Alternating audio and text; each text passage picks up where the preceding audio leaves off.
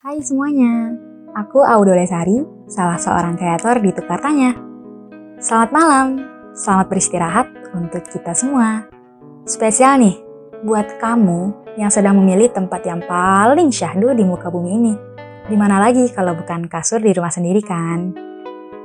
Apresiasi dari aku nih, karena di saat lelah pun, kamu masih nyempetin diri untuk dengerin podcast ini.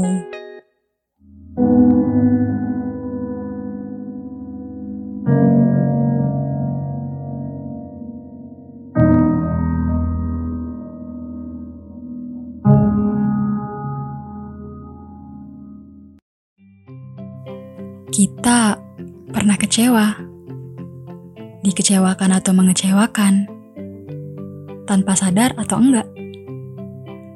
Rasa kecewa, ya rasanya sama, sakit, pedih.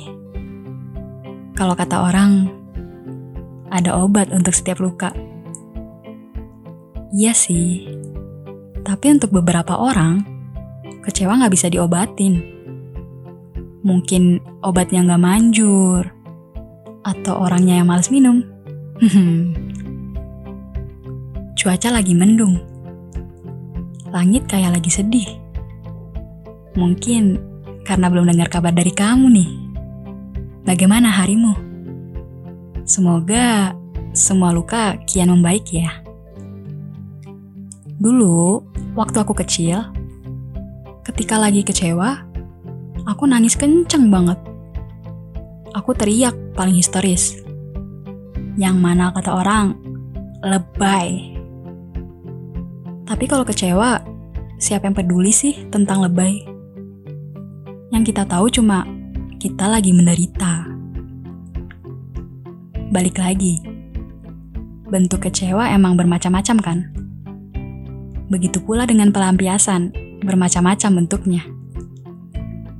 Tapi ngerasa nggak? Ujung dari kecewa, semuanya sama. Pilihannya hanya beberapa.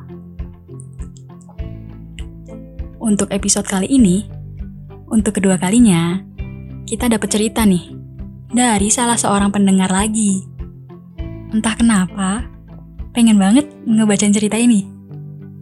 Sebelumnya aku emang udah baca, terus aku revisi, Aku pilah kan bagian mana yang harus ditampilkan dan enggak di podcast ini. Ya, perlu kita samarkan. Identitas kan sangat pribadi. Oke, langsung aja yuk kita bacain. Hai, bagaimana keadaanmu sekarang? Sudah tidurkah? Atau masih terbangun? Menatap langit dengan pikiranmu menerawang. Memikirkan kapan ya kita bakalan ketemu? Kalau begitu, berarti kita sama. Aku juga gitu sekarang. Bedanya aku lagi nulis.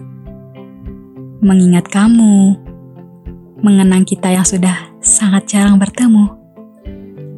Ngomong-ngomong, pandemik ini nyebelin ya? Nggak kamu doang sih yang ngerasain. Aku juga pengen banget keluar. Ya paling nggak ke rumah kamu lah. Duduk di sana, ngobrol, hahaha. Ya paling mentok mah nangis bareng lah ya. Udah deh. Sayangnya kita berbeda kota.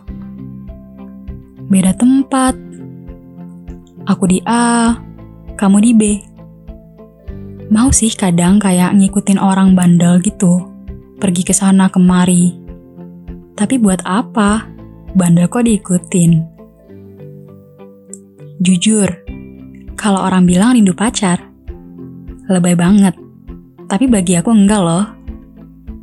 Halo, admin tukar tanya, perkenalkan nama aku Vio. Umur aku sekarang kurang lebih 22 tahun. Aku perempuan, dan cuma dua orang yang ngakuin. Ayah, kalau enggak pacar aku. Kalau kata ibu, enggak. Kamu itu cowok banget. Jadi maksudnya itu aku tomboy gitu loh. Jadi teman-teman aku cowok semua. Meskipun di sekolah atau di kampus. Temenan sama cewek tetep sih. Cuma kalau perbandingan 80% sama cowok, 20%-nya cewek. Kebayang nggak? Kebayang sih. Jadi aku ini sejak TK udah temenan sama cowok. Ganteng atau enggak, ya terserah, yang penting gak macem-macem. Terus waktu SMA, paling males banget tuh buat pacaran. Menurut aku, dulu itu gini, cowok udah kayak temen aja. Ya, kebayang gak sih kalau pacaran sama teman sendiri gimana? Creepy banget. Ya, terus juga gak ada yang deketin buat lebih gitu loh. Jadi aku ya ke bawah aja gitu. Ke bawah santai buat temenan sama cowok. Kalau ada yang berani pun, cara deketinnya itu remaja banget gitu loh. Modusnya sama aja. Kalau enggak, aku udah suka loh sama kamu dari lama. Atau, diem-diem aku merhatiin kamu loh. Aku suka. Gimana ya? Bikin aku sedikit geli aja sih. Kayak, apaan sih? Pasaran tahu nggak? Lah, ini kok saya kayak ngomongin diri sendiri ya? Kayak, untuk sesuatu yang pernah kita bilang dulu, di masa yang bakal datang, berasa geli. Ya, pasti kita bakal ketawa sih. Oke, lanjut ya. Jadi waktu kelas 2 ada seseorang cowok di kelas. Namanya Zaki. Ya aku selama ini tahu Zaki ini karena orang-orang aja. Kurang lebih gini, Zaki baik, setia, ya kurang macam gitulah ya. Nah, karena kita satu kelas, ya udah temenan kan tuh. Emang benar kata orang, Zaki anaknya baik, juga setia. Aku tahu kalau dia setia karena dari ceritanya kalau dia itu belum bisa move on dari mantannya. Mantannya itu cantik, feminim banget.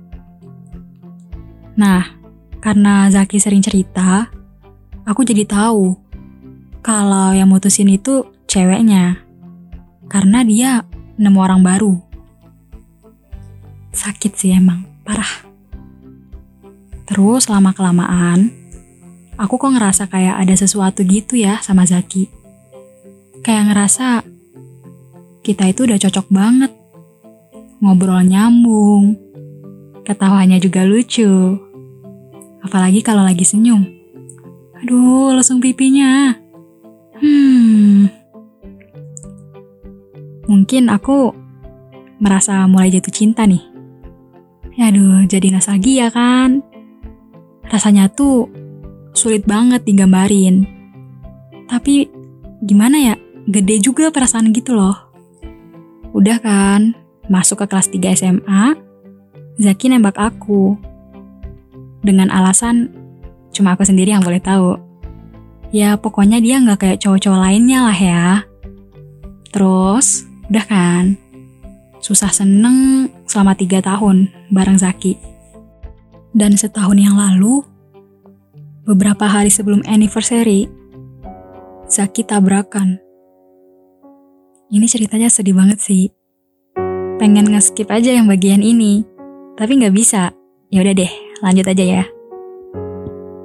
Jadi tuh, sebenarnya Zaki mau minta temenin aku keluar kota.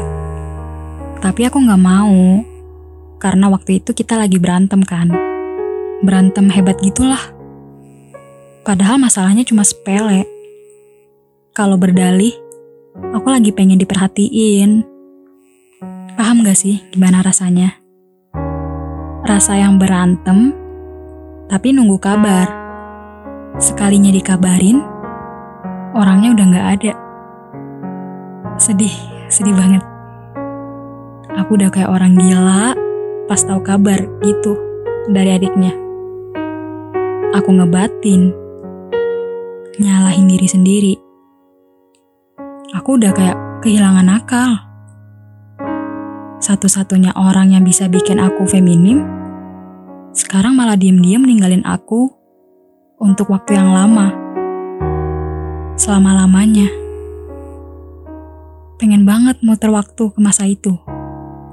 Aku temenin dia. Mau seburuk apa pun, aku nerima. Saking depresi banget. Biasanya, aku sekali sebulan ke kota dia. Ngejenguk, berdoa di makamnya. Karena sekarang gak bisa ke mana-mana, ya udah aku di rumah aja dong. Mandangin foto dia, ngomong sama foto. Kadang kalau kangen, aku tidur bareng foto dia. Sekarang mau gimana? Kangen banget, banget. Pengen cerita, tapi dia nggak bakal ngasih respon kan? Aku tahu sih, dia pasti dengerin aku. Diem-diem pun, dia juga pasti ngasih semangat, meskipun dalam bentuk hal lain. Maaf ya jadi curhat. Semoga kamu tenang ya Ki. Aku juga tahu kamu gak dengerin podcast ini. Tapi aku tahu pas aku nulis ini, kamu juga ikutan nemenin aku nulis kan? Wow, sedih banget ceritanya. Untuk Vio, aku mau ngucapin turut berduka cita, bela sungkawa Aku yakin, bagaimanapun sedihnya ditinggalkan, hidup gak ada ujungnya. Tawa bakal teringat, pesan bakal terngiang, kebaikan akan selalu bersama. Yang hilang cuma raga, rasa gak bakal ke mana-mana. Semangat! Menurut aku, ujung dari kehidupan bukanlah perpisahan tapi ikhlas menerima. Aku gak bisa ngasih dukungan semangat kayak orang-orang lainnya. Ya karena aku cuma apalah yang posisinya cuma sebagai telinga. Suaraku cuma gaduh. Yang teduh adalah perasaanmu. Selamat malam. Semoga kerinduanmu segera terbayar. Semangat ya untuk apa pun sabar bagaimanapun.